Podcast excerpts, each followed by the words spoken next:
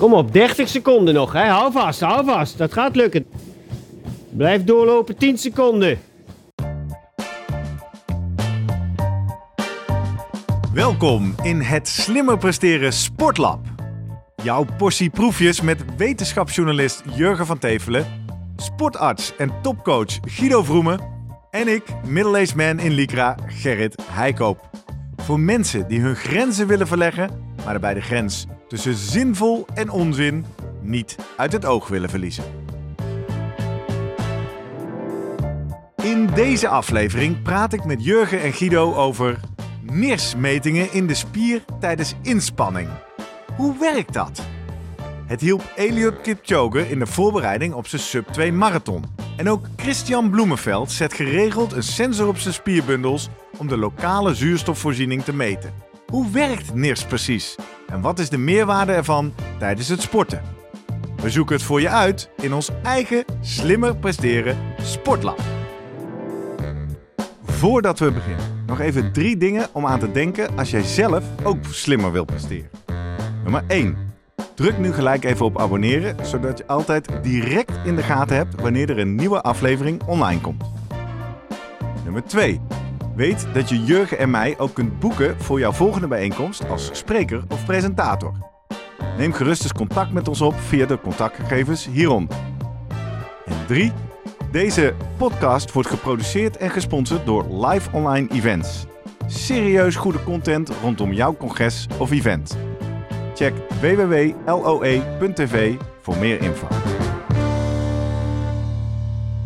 Ja, Jurgen, Guido, goedemorgen. Hey, goedemorgen. De morgen. Eh, we zitten opeens heel ergens anders, met z'n drieën Ja. fysiek bij elkaar. Ons eigen lab. Ja, Mooi. Eigen sportlab. Eindelijk, een, hè? eh, een nieuw plan hier in eh, 2023. Guido, komt uit jouw koken. Waar zijn we? Nou, eigenlijk zijn we gewoon bij mij thuis. Een beetje. Maar ja, dit is een beetje de pain cave van Vroemen. Ja, Hè, hier komen alle ideeën van hele verschrikkelijk harde trainingen. Maar ook gewoon leuke ideeën. Sensoren proberen uit te testen. Alles wat ik maar bedenk, wat iemand kan verbeteren, dat test ik eigenlijk zelf uit in mijn eigen labje. En daar heb ik ondertussen alles verzameld wat ik nodig heb daarvoor. precies. En Jurgen en ik mogen hier te gast zijn. En eh, we, hebben een, eh, we gaan een serie maken waarin we verschillende sensoren en gadgets gaan uitproberen op een loopband of op een, eh, op een wielrenfiets. Dan verzamelen we data en dan komen we hier aan deze tafel eh, die data nabespreken. Voor de kijkers op YouTube, die zien links en rechts nog een opgedroogde zweetdruppel op jullie voorhoofden. Want we hebben al een aantal proefjes Ja. gedaan. Komende aflevering in deze serie gaan we het hebben over een aantal sensoren. De core temperatuursensor, een vest waarmee je eh, de drempels kan meten. Maar vandaag gaan we inzoomen op de NIRS. Gaan we stilstaan bij de vraag, wat is het? Voor wie is het wat? Hoe werkt het precies? En dan natuurlijk uiteindelijk op zoek naar de vraag, ja, eh, moeten we dat? Nee, als amateur, maar zelfs als topsporter, hoe zinvol is het?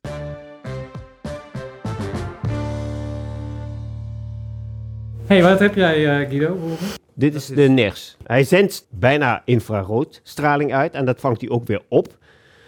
En door het verschil dat hij kan maken tussen het aan eh hemoglobine gebonden zuurstof en zonder zuurstof, Ja. dat geeft een andere terugkaatsing, kan hij zeg maar dat onderscheid maken. En hij meet dus eigenlijk ehm, hoeveel zuurstof er in de spier gebonden is aan hemoglobine. Naarmate je harder gaat inspannen, Ja. gebruik je meer zuurstof, gaat hij op een gegeven moment zakken. Dat ga je meten dan. Dat, eh, En dat wil je dan meten. Moet hij wat strakker, denk je? Of, eh, hij zit dus zeg maar op je quadriceps. Ja.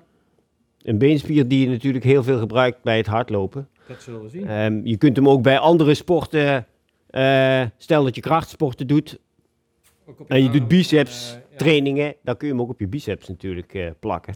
niet zwaar. Nou. Zullen we eerst maar eens even een beetje rustig warm lopen? Zet hem even maar op een snelheid waarvan je denkt, nou weet je, het is even prettig om warm te draaien. En dan eh, even een paar minuutjes even de tijd om even wat... Oh, dit vind je al... Drie kilometer per uur. Ja, dat is, tuurlijk. Dat is een goede warming-up. Goed, dan heb je eh, 10 minuutjes warm gelopen. En dan eh, ga ik hem Op 10 minuten ga ik hem op 9 per uur zetten. Ja, is goed. En dan elke 2 minuten zetten we hem een kilometer harder. Ik moet weer. We gaan nog eh, vijf stappen te gaan.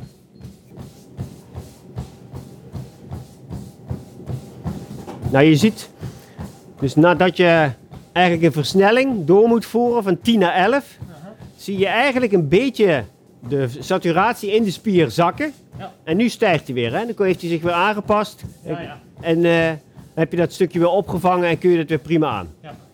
Het is een mooie dip en dan komt hij weer omhoog. En op een gegeven moment gaat hij die dip natuurlijk niet meer compenseren. Nee, dan red je het niet meer.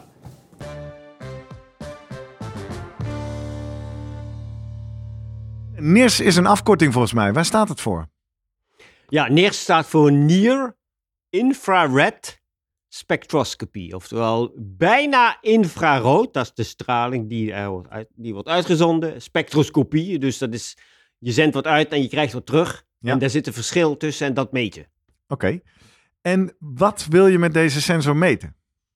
Nou, hier, deze sensor die wij gebruikt hebben, ehm, die zet je op je spier. Ja. En die is ontwikkeld om ehm, de, eh, het verschil te detecteren tussen eh, aan zuurstof eh, gebonden hemoglobine en zonder zuurstof. Dus het is het oxyhemoglobine en het desoxyhemoglobine.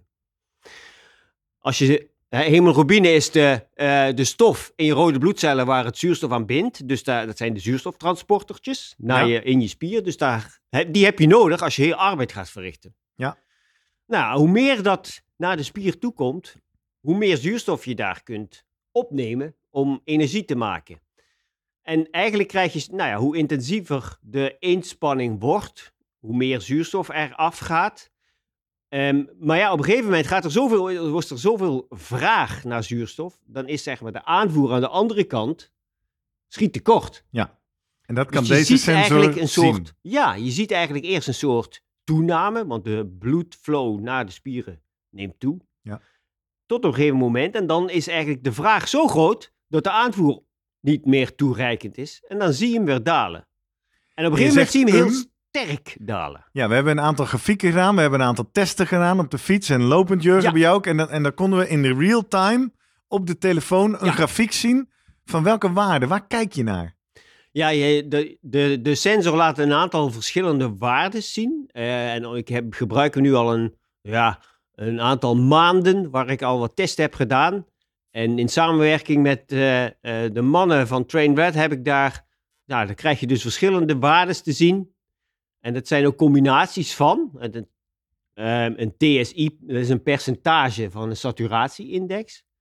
Maar eigenlijk zijn, ehm, is voor mij nu de belangrijkste waarde het verschil tussen die oxy- en die desoxyhemoglobine. Die differentie, verschil, Ja. Ja. En die zie je eigenlijk ehm, heel mooi, nou ja, eerst stabiel blijven, een beetje toenemen door toegenomen bloedflow. Ehm, en op een gegeven moment zie je die dalen en voorbij je threshold, anaerobe threshold, critical power noemen we het ook wel, zie je hem heel sterk dalen. Dus daar wordt er heel veel zuurstof aan onttrokken. Ja. En is de vraag echt, dat schiet gewoon ver tekort. Helder. En dat is wel een mooie eh, grafiek die we eigenlijk ook in beeld kunnen eh, brengen daarmee. Ik zeg even tussendoor, jij noemt de mannen van Train Red. Dat is het bedrijf wat deze sensor op dit moment op de markt brengt. Ja. Met deze Near Infrared Spectrography techniek. Ehm, deze afleveringen van het Sportlab zijn volledig ongesponsord en onafhankelijk. Dus ja, er zijn Ja. allerlei relaties en banden. Maar we brengen dit omdat we dit graag willen uitleggen. Ehm, Ja, we kunnen ook wel de concurrent, een concurrent is er een concurrent? Ja, dat is wel zo willen. Moxie, Oh ja, heb ik Moxie gelezen. doet En het volgens ook. mij eh, Bloemenveld gaat daarmee in zijn Helder. veld. Nou, precies. Dan zijn we maar zuiver.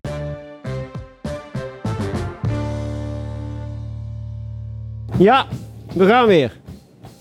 12. Moet ik hier wel een drempeltje over ben, namelijk. Maar hij gaat nog goed, toch? Ja, Ja, oké. Ja, dat is goed. Ja, ik weet niet of je nou hele lange zinnen nog achter elkaar kunt blijven praten zonder dat je moet stoppen. Beetje op niveau van... Drie woorden? Ja, het kan, maar... Oké. Liever niet. Vijf seconden, dan gaan we weer eentje harder. Oké. Dan gaan we naar 13.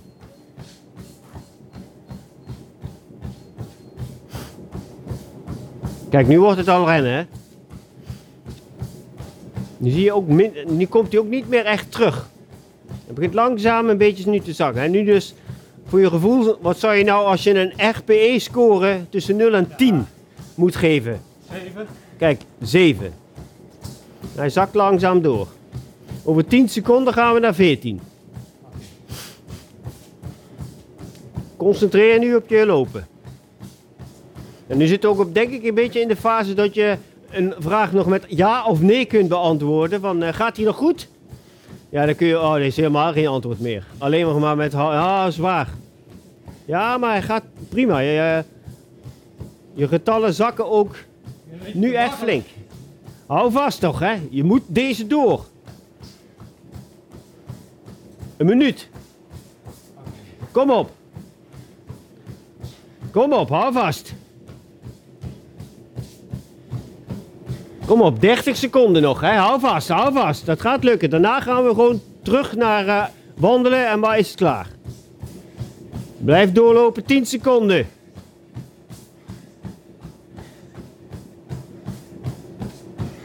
Heel goed. Heel goed, blij. Hè? Dan zet ik hem, hij gaat langzaam terug. En ik zet hem dadelijk wel even op wandelen, blijft hij door. Hou vast, hou vast. Dan laat ik je even doorwandelen.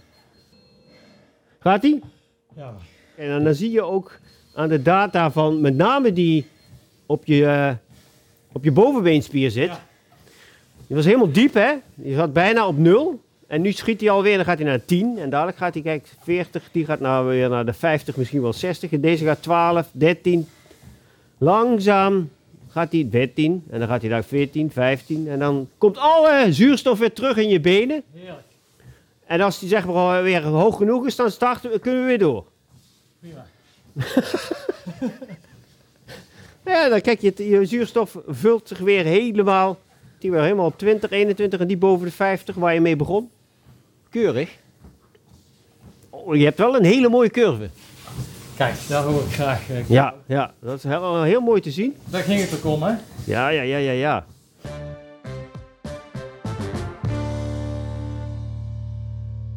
Hij is vederlicht. Je Ja, merkt er niks van. even, is het invasief? Eh, het is zeker niet invasief. In het begin denk je wel, hey, ik heb iets om mijn bovenbeen. Want ja, hij moet er natuurlijk strak tegenaan. Ja. Ik kijk nu is beter. Hij is, hij is licht. Daar zitten gewoon eigenlijk, eh, ja, ik zie hier drie sensoren. Wat het idee is, Aan de nog even bedoel opgezocht. Ja. Ja. Ja. Het zendt licht uit van een bepaalde golflengte, wat Ja. eh, Guido al zei. En, Net onder de infraroodgolflengte. En nou is het grappige is, wat eigenlijk, eigenlijk al, al eeuwen bekend is, is dat hemoglobine, wanneer er zuurstof aan vast zit, heeft een ander absorptiespectrum. Dus absorbeert dat licht dat uitgezonden wordt, dan eh desoxyhemoglobine als er weinig zuurstof aan zit. Dus er zijn twee karakteristieken Ja. eigenlijk voor hemoglobine, wel of niet met zuurstof. Nou, dat kun je oppikken. Dus het zendt uit, pikt ook weer op met het sensor. Ja. En daar zit er natuurlijk al een, ja, een, een mooie software achter. Die gaat meten eigenlijk het verschil tussen die twee en daar bepaalde getallen aan kan geven, Ja. zoals die TSI. Ja. Maar op zich, qua onderzoekstechniek, is NIRS zelf, of dit is, bestaat al eeuwenlang. Ja. Maar het is natuurlijk het unieke dat ze het nu in een heel klein, eh, compact eh, dingetje hebben gestopt. Waarbij je toch ook nog, eh, je hebt te maken met bewegingen, continu. Ja. Daar moet het, het heeft het Had jij het gevoel dat hij op jouw been bewoog? Nee. Zat, zat goed strak. Het heeft natuurlijk een bepaald sample size, een, een stukje van jouw spier. Ja. Daar kijkt hij eigenlijk gewoon naar de bloedvaatjes, met name de haarvaten, de capillaren die daar lopen. Die, die zijn gevuld met rode bloedcellen. Een x-aantal daarvan, die hebben nog heel veel zuurstof aan de arteriële kant. Die zijn bezig om het af te gaan geven aan die mitochondriën, die zuurstof. Aan de veneuze kant, daar kom je natuurlijk dan de hemoglobine tegen die amper nog zuurstof heeft. Dus het heeft een mix van die twee. Je kan je voorstellen dat die mix verandert wanneer er meer zuurstof aangevoerd en onttrokken wordt. En daar loop je op een gegeven moment inderdaad tegen grens aan. Of de, Ja. de aanvoer komt eh, schiet tekort, of eigenlijk het oppakken door de mitochondriën. De mitochondriën, dat die zeggen, ja sorry, eh, ik, we kunnen niet meer zuurstof opnemen eh, om onze ATP-energie te, genere- te genereren. En dat, eh, nou, ik moet zeggen, nee, ik merkte er eigenlijk, eh, eigenlijk niks van. Werkte, Nee, het was prettig. Dus ik, ja, ik wil ja. zo even op zoek, want ik, ik realiseer me dat we dat onze kijker luisteren helemaal niet uitgelegd hebben. Waarom zou je dit willen weten? Maar, cliffhanger, houden we vast. Mhm. Want even terug naar die data. Ik stond naast jou tijdens de fietstest. En in die app zag ik real-time twee grote waarden. Jij noemt al die TSI. Dat is een soort training intensiteit of zo, denk ik. Nee, het is Tissue Saturation Index. Oké. Maar uiteindelijk zei je, kijk maar naar die waarde daaronder. Die, Ja, schommelde- HB-diff. De HB-diff, ja. Wat is dat dan? Dus dat is de H- hemoglobine, HB.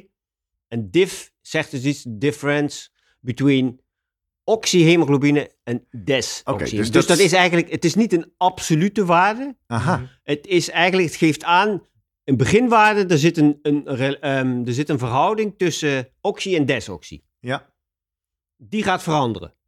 Want de orde grote getallen die we daar zagen, in de rust is dat rond de 50 geloof ik. Bij Nee, dat was die TSI. Dat was het deze. Maar op een gegeven moment hadden we tussen 20. 30 tot 5. Of... Nou, ja, die je begon een beetje op Ja. 20 en die ging eigenlijk steeds lager. Ja. En eh, uiteindelijk ging die zelfs bij Jurgen, volgens mij, als ik het goed heb, richting de 5. Ja. Ja. En wa- wat betekent dat dan? 20 Nou, of eigenlijk 5? maakt dat getal niet zo heel veel uit, want het gaat om een trend. Oké. Dus als je ziet dat die trend stabiel blijft, of misschien wel een beetje hoger wordt, en op een gegeven moment gaat dalen en stijgen, dan is eigenlijk die trend, moet je zien te ontdekken. Het is Het niet gaat zo... om de knik. Ja, het is niet zo dat je denkt, ja, maar wacht even, als die HB-diff op 6 staat, dan weet ik dat daar de drempel is. Zoals we vaak bij Ah. lactaat kijken, 2, 4 millimol, wordt vaak gekeken, dat zijn drempels. Dat is hier niet zo. Hier moet je kijken naar trends. Oké. Wat doet die lijn? En je zegt dus, het geeft een verhouding aan tussen eh, zuur- bloed met zuurstof, bloed zonder zuurstof, zeg ik maar even in simpele taal. Spier. Spier, Ja, spier, in de spier. met ja. of zonder zuurstof. En als dat maar gelijk blijft, dan is die verhouding gelijk. Dus dan wordt er net zoveel gebruikt als dat er aangeleverd wordt. Exact. En als Steady dat getal, state. Precies, steady state. En als het getal gaat dalen, Ja. dan schiet één van die twee kanten van de vergelijking tekort. En als hij gaat dalen, dan... Maar eigenlijk schiet hem altijd... Nou, wat je gaat zien is bij een inspanningstest, het wordt steeds intensiever. Zwaarder. Ja, je liet Jurgen steeds harder Ja, lopen. dus eigenlijk, laten we zeggen, we beginnen met de aerobe motor. Die wordt steeds zwaarder belast. En op een gegeven moment komt de anaerobe motor bij. En die aerobe motor zit op een gegeven moment aan zijn max. Ja. Die kan niet meer energie uit zuurstof halen.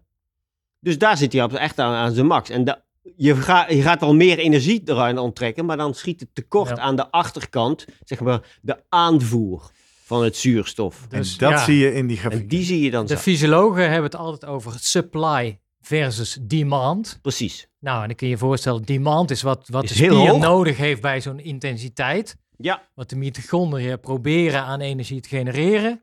En de supply komt voort uit, ja, wat, wat voert het bloed eigenlijk aan? Vanuit longen wordt natuurlijk de zuurstof opgenomen, in het bloed verder getransporteerd en uiteindelijk afgegeven. En als daar een mismatch ontstaat, Ja.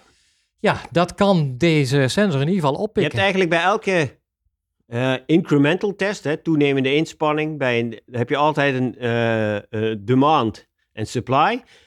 Naarmate je naar je max gaat, is je oxygen demand heel hoog. En eigenlijk kun je dan berekenen op een gegeven moment, dan, ja, maar dan zit je dus met een schuld, want demand en supply loopt vaak gelijk. En op een gegeven moment gaan ze uit elkaar lopen, dan is de supply eigenlijk op de max en de demand loopt door en dan heb je alleen maar zuurstofschuld. Ja. En dat krijg je eigenlijk hier ook in beeld. krijg je heel mooi te zien. Dan gaan we nu door naar de volgende stap, namelijk waarom zou ik dit willen weten? Wat, wat is de toepassing of, of welke Ja. sensor of meting wordt er hierdoor mogelijk vervangen? Hm, denk Misschien hadden we ermee moeten Ja. beginnen. Nou, ik kan wel. Eh, Christian Bloemenveld gebruikt hem bijvoorbeeld. Dat is een, even toch voor de mensen Ja, die niet in onze bubbel zitten. eh, top triatleet. de de ja. Noren doen het erg goed. eh, publiceren ook heel veel over hun trainingsmethodiek en hun benadering. En wat ik in ieder geval las, is dat zij hem gebruiken omdat eh, onder omstandigheden dat hij bijvoorbeeld op hoogte gaat trainen. Of de temperatuur is eh, extreem of is hoog. Dat heeft allemaal impact eigenlijk op jouw FTP, of eigenlijk de drempel ja, waarop eh, hij eh, de anaerobe drempel of de lactaatdrempel. Toch dat, hè? Dat, we hebben honderd manieren om Ja. eh, die drempel te en, definiëren, waar- maar en, dat daar- en die Ja. gebruiken zij natuurlijk voor hun intensiteitszones te Ja. bepalen. Ja. En hij zegt eigenlijk, ja, dan wil je niet, stel je bent op een hoogtekamp, weer opnieuw zo'n test doen helemaal en je FTP bepalen onder die omstandigheden. Hij zegt, Nee, want op een gegeven moment weet ik gewoon dat bij een getal van... Ja. Ja, zij kijken acht- 18, 19 procent of zo hadden ze dan over. Misschien kijken zij juist naar die saturatie. Dan wisten zij dat is gematcht met mijn Ja. FTP, met mijn eh anaerobe drempel. En dus elke keer gebruiken ze eigenlijk nu, zit op hoogte, het is warm. Ah, we kunnen beter dan kijken naar dat signaal. En als we dan voorbij die 18, 19 procent gaan van onze MOXIE-signaal in dit geval, ja, dan weten we dat we in de verkeerde zone terechtkomen. Dat we eigenlijk te diep aan het gaan zijn. Dus zij gebruiken in En ieder dat geval wil op je manier. weten. Als Ja. je het doel is om bijvoorbeeld op een V2 max niveau te trainen en niet Zeker. anaeroop, Ja. dan wil je die En de omstandigheden veranderen. Ja. En Ja. je hebt geen zin om continu die drempels weer in een klassieke Zij inspanningstest doen dus heel te gaan veel- bepalen. metingen ook om hun eigen gevoel wat ze hebben bij een bepaalde intensiteit te verifiëren met de data. Oké. Dus zij, ze Dus hebben het zou ook nog kunnen dat Christian Bloemenveld of een atleet een opdracht krijgt op gevoel. En dat de wetenschappers Ja. of de sportwetenschappers Ja, om hem heen gaan kijken in de data. Ja. Wat gebeurt er? Hoe ziet dat eruit? absoluut. Maar de essentie waar dit dus om draait, is toch je drempel, hoe je die ook noemt. Of het Ja. nou FTP, drempel, anaerobe drempel. Ja, je wilt, aerobe, nee, anaerobe drempel, die wil je in het snotje hebben, toch? Want daar zit die knik. Kijk, je wilt eigenlijk, wat wil je, eh, je, je hebt, we hebben het altijd over twee overgangen. En het zijn niet, weet je, drempels, het zijn eigenlijk overgangen. Ja. Hè, dat is aeroop naar aeroop, anaeroop, steady state. En anaeroop, aeroop, anaeroop, steady state naar niet meer steady state. Die twee En, heb je. en die tweede is zo belangrijk, want steady state, het woord zegt het al. Daar kan je in een lange Ja. duurinspanning, bijvoorbeeld hele triathlons, heel goed heel lang op door. En als prestatieatleet wil je daar zo dicht mogelijk Ja. tegenaan leggen, want dat is je Ja. PR. Ja, En je wil er niet overheen, want Nee. dan gaat op een gegeven moment de boel snel eh, naar de vaantjes. Oh nee, dat is een Exa- ander. nou ja, het ligt eraan hoe lang je er overheen moet. Kijk, als je een, een, eh, een 10 minuten of, of 20 minuten iets moet doen, dan kun je daar overheen. Hè? Ja. Ook daar is het belangrijk, niet Ja. te ver. Maar toch even, voor Maar- de leken, dat is waar zo'n sensor Ja. bij helpt. Om in de Ja. gaten te hebben, Ja. waar zit ik? Kijk, als jij een, een, een lange afstandstriathlon doet eh, en je denkt, ja, maar ik ga zo'n sensor omdoen tijdens de wedstrijd om te, om te monitoren, nou, heeft niet zo heel veel waarde. Waarom niet? Omdat je, ja, tenzij je heel slecht gevoel hebt van pacing, dat je denkt, oh, ik ga echt veel te hard, ik ga knallen, knallen. Hè, want dan zakt die pas. Ja, ja. Ja, de, de sensor gaat je pas eh, relevante informatie geven als het eigenlijk al te laat is, zeg je. Want dan begin ik al Nou ja, te je, knikken. die geeft pas eigenlijk duidelijke eh, dalingen eh, in ehm, die oxygena- oxygenation aan als je ja, ver in het anaerobe deel zit. En dan ben je dus eigenlijk al te laat in dat geval Ja, maar daar van kom die je wedstrijd. qua gevoel. Eigenlijk kom je daar toch niet uit. Dus Nee. daar heeft het niet zo heel veel waarde in een wedstrijd. Maar in de voorbereiding moet je die, nou, weet je, moet je die wel leren kennen. Ja. Dan helpt het natuurlijk wel. Eigenlijk is het, ja, ehm, als je intervaltrainingen bijvoorbeeld doet, eh, met hoge intensiteit, lage intensiteit, hoge intensiteit, lage intensiteit, dan zie je zeg maar die hele tijd die schommelingen. Want je ziet hem zakken en je ziet hem weer terug herstellen. Zakken en weer terug herstellen. Ook bij krachttrainingen. Kijk, dat ding is belangrijk natuurlijk dat je hem op de juiste spier zet. Als ik ga bank Wat is drukken, de juiste... sp- Ah, zo. Ja, als ik ga bank drukken, moet ik hem niet op mijn been gaan zetten. Nee, helder. Ja, ja, ja. Dat heeft natuurlijk niet zoveel zin. Of als Nee. ik ga hardlopen, hoef ik hem ook niet op mijn arm te gaan werken. Dat is dus, hè, de positionering van dat ding is natuurlijk super belangrijk. Ja.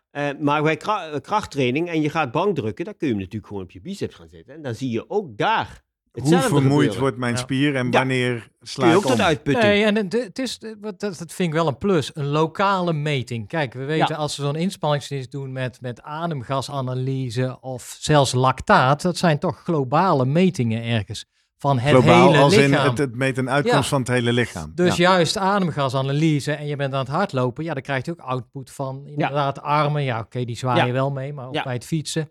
Maar in ieder geval, eh, je wil meten bij de spieren die Ja. het, waar het echt eh, gebeurt. Ja, dat en kan, dat, dat met zo'n eh, Ja. zo'n sensor natuurlijk. Ja, Dus en je een zit groot dicht- voordeel zit- lijkt zit me, dicht een ademgasanalyse is per, bijna per definitie een laboratoriumsetting. Ja. Je hebt een draagbare, ik Ja. weet het, maar dat is natuurlijk wat minder prettig. Dit is heel, Niet invasief ook, hè? precies. Ja. Je zet het gewoon op je En huid. ik, en ik het doe is, eh, natuurlijk nu net alsof ik er helemaal niks van weet, maar eh, trouwe luisteraars weten, we hebben het er al even over gehad. Toen ik de inspanningstest bij jou deed, hadden we hem ook. ook meelopen. Ja. En toen zagen we in feite, eh, ja, in die zin die drempelbepaling ook, hè?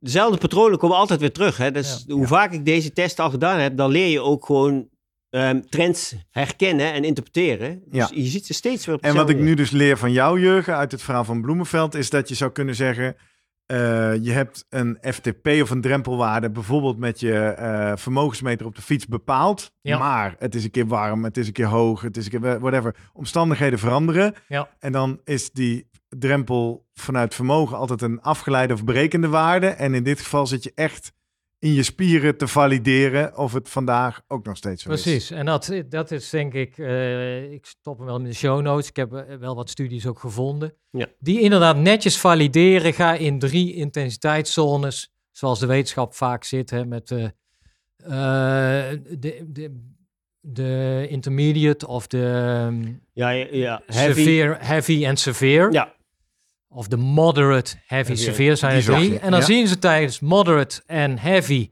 netjes, en dat laat Guido denk ik zo wel zien, ja. van dat je even een verandering krijgt van, van moderate naar heavy. Even een, eh, een sprongetje in het signaal. Ja. Maar het signaal past zich ook weer snel aan. Eh, lees, er komt een steady state. Je kan dat eh, langere tijd volhouden. Ja. Maar als je uiteindelijk naar je severe gaat, ja, dan zit je boven die, eh, die tweede drempel, de lactaatdrempel. Ja, dat hou je gewoon niet lang vol. Dan komt de uitputting in zicht. En dat, dat zie je meteen.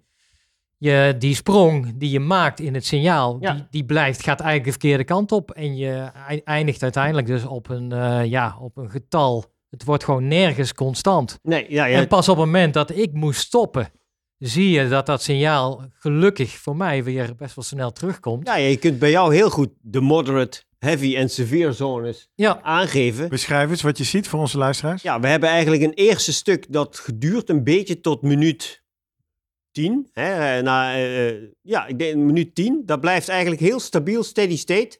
Dat is eigenlijk de moderate intention voor, Ja. voor hem. Dan zie je vanaf minuut 10 tot ongeveer minuut 14. Ongeveer, daar, daar is het een beetje dalende trend. En vanaf minuut 14 tot, ehm, daar heeft hij gelopen 18. En dan zien we veel meer. Ja, misschien minuut 15 Zie tot hem echt 18. knikken. Dan zien we veel meer dalen. Dat was die fase dat hij ook niet meer kon praten, Nee, toch? Dus je hebt het eerste knikpunt waar die licht gaat dalen. Dan wordt het een overgang naar heavy exercise. En dat kan hij nog wel stevig doorlopen, maar dat wordt wel een beetje hè, RPE 7. Ja. En dan op een gegeven moment zit hij eh, ehm, bij minuut 14, 15, 16 misschien, tot je dat net houdt. En dan, is het echt, dan gaat het echt naar severe exercise. En dat, Ja. ja. dat houdt hij dan geen kwartier vol. en dat zeggen ze ook in het artikel. Ze kunnen zijn, eigenlijk kun je dit gaan gebruiken om ook te schatten van hoe lang, wanneer ben je echt uitgeput? Wanneer eindigt je uit, eigenlijk Ja. jouw, jouw inspanningstest? Ja, dat kan je op deze manier, nu moest ik hem bijna helemaal eh, vol maken, maar je kan op een gegeven moment wel zeggen, oké, Ja. tot daar en dan... eh dus dan je kan, weten we het wel. Dan Ja. hebben we de drempel gevonden. Ja. En dat is met name, daar hadden we het in de aflevering over inspanningstesten ook over, Guido. Dat als je een test op een loopband doet, kan je ook niet tot uitputting, want dan valt iemand. Hè? Dus dat, dat moet je, als je de drempel hebt, Precies. dan heb je hem. Kijk, er zijn natuurlijk, dat is gewoon veiligheid, want sommige, ja, je gaat echt door tot het niet meer kan. Ja, dat ja, kan maar een die loopband die stopt Ja. dan niet. Nee, precies, precies, helder. Hey, tot slot, eh, we hebben het de laatste tijd over veel verschillende manieren van trainen gehad. Onder andere over trainen op gevoel. Waar ook deze praattest, die heel Mhm. mooi te zien was Ja. in jouw test vandaag, Jurgen, ook voorbij kwam. We hebben het eh, gehad over eh, trainen met vermogen, hardlopend of fietsen. Er zijn ook mensen die nog zweren bij trainen op hartslag, ondanks alle nadelen. Je kan... Voor wie voegt het nou... E nou, één, nee, één Ja. vraag terug. Komt daar nu in dat rijtje trainen op NIRS bij? Ik denk het nog niet. Nee. Nee, het is wel, weet je, dit is wel iets wat echt wel voor de echt prestatiegerichte sporter iets kan toevoegen. Ja. Mits je ook iets met die data natuurlijk steeds blijft doen, wat ik altijd zeg. Ja. Je kunt iets meten, maar je moet wel iets met die data gaan doen. Ja. Ehm, En in dit geval toch even heel scherp zetten. Met deze data, stel ik heb dat ding iedere training om. Wat zouden we met die data doen? Blijven valideren of onze drempelwaardes nee, dan kan ik je zeg maar sturen aan de hand van bepaalde muscle oxygenation waardes. Hè? Dus dan zeg Daar ik, zou je nou een ja, training op kunnen gaan Ja, ontwerpen. weet je, je moet Ja. nu, maar dan hoef je het bijvoorbeeld, als, als ik zeg, ja, maar ga maar een rustige duurloop doen, Dan hoef je dat ding niet aan. hoef ik dat ding niet, want je hebt, weet je, daar heb je dat niet voor nodig. Maar als je denkt, nou, weet je, ik wil eigenlijk dat hij nu harde ehm, kilometers gaat lopen, waarbij eigenlijk dat hij net steeds verder gaat di- nou ja, dippen. Zo, en Ja. dan moet hij uitkomen waarschijnlijk op een waarde van 6. Ja. Hè? Ja. Dus die moet je dan proberen te bereiken. En daar kun je langzaam naartoe lopen dan.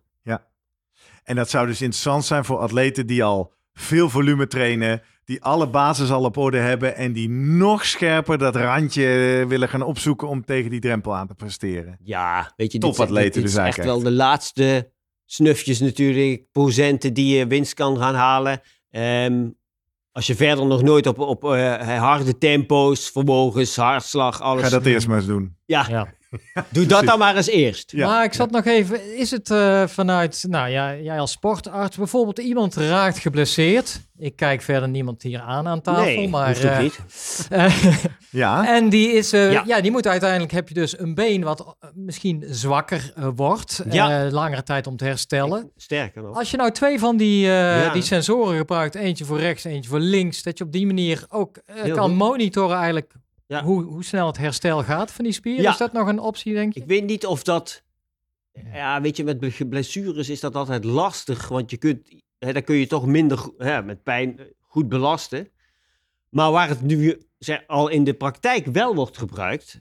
ehm, dat is in het, zeg maar, in het diagnosticeren van een hele specifieke wielrenblessure. Mhm. Knik Welk? in de liesslagader. ah ja, wat we recent Heel veel natuurlijk een wielrenners aantal wielrenners over Ja. horen. Exact. In Ja. Veldhoven worden heel veel, eh, wordt heel veel diagnostiek daarmee gedaan. Heel veel testen ontwikkeld daar. En zij gebruiken dezezelfde sensor links en rechts Ja. ondertussen in hun diagnostiek. Omdat die ook wel zo sensitief is dat je dat links en rechts dus gewoon eerder die knik ziet gaan ontstaan in het been waar die knik zit. En dat zou een aanwijzing kunnen zijn dat Absoluut. de bloedtoevoer eh Nou ja, die belemmerd aanwijzing is. hebben ze al, maar dit Ja. is eigenlijk wel redelijk bewijzend dat het gewoon de bloedtoevoer aan de ene kant belemmerd is. Helder, En dan zal die persoon ook wel zeggen, ja, ik voel het Ja. in mijn linker of mijn rechterbeen. En natuurlijk zie je dan ook een lactaatstijging, maar eigenlijk kun je dus wel op Het belangrijkste is dat je, niveau zeg maar, de aanvoer- aanwijzen Ja. van... De hier aanvoer zit- stopt ja, hier. Ja, Links, als hij links de aandoening heeft en je ziet in die linker curve dat hij echt gewoon veel Ja. eerder eh, de curve naar beneden gaat, Ja. dan denk ik, ja, daar, daar schiet de aanvoer nu al tekort. Mooi. Ja, Ja, Snappen we hem? ja. we snappen hem. We snappen hoe die werkt, we snappen de achterliggende techniek. Er is wetenschappelijke validatie dat het een goed meetinstrument is. Zeker, het is ja. nog een beetje zoeken Ja. naar de toepassing. En die is zeker niet voor Jan en allemaal en iedereen. Nee, Maar- Hangt ook een prijskaartje aan. Hè? Dat, er eh, liggen kunnen we wel zeker eh, kansen. Ja, precies. Ja. precies. ja, ja, Helder. Leuk. Is dit wat Slimmer Presteren Sportlab eh, is en zou moeten zijn? Ja, Ja, mij Denk wel. wel. Denk ja. ik wel. Het is onze eerste keer. Dus als je nu zit te kijken of zit te luisteren, laat ons vooral weten wat je ervan vindt. Of je dit leuk vindt, of je dit meer wil. Of je nog vragen hebt, specifiek over nieuwe de, sensoren, weet over de NIS. Of dat je nog sensoren weet die je graag een keer getest zou willen zien. Dan eh, stuur dat op via de bekende wegen. We zijn de Slimmer Podcast op Instagram en Twitter. Tegenwoordig ook op LinkedIn te vinden. Daar kan je eh, sowieso deze aflevering vinden. Doordelen met je netwerk. En daar kan je op reageren. Je kan ook naar onze website www.slimmerpodcast.nl. Daar vind je van iedere aflevering en dus ook van deze een eigen pagina. Kun je reageren of die link kan je doorsturen. Of je kan ons mailen via post.slimmerpodcast.nl. In het volgende Slimmer Presteren Sportlab gaan we het dus hebben over een eh, heel slim t-shirt wat hier op tafel ligt. Ja. Toch? Ja, Ben benieuwd. Tot de volgende keer. Tot de volgende keer. doei.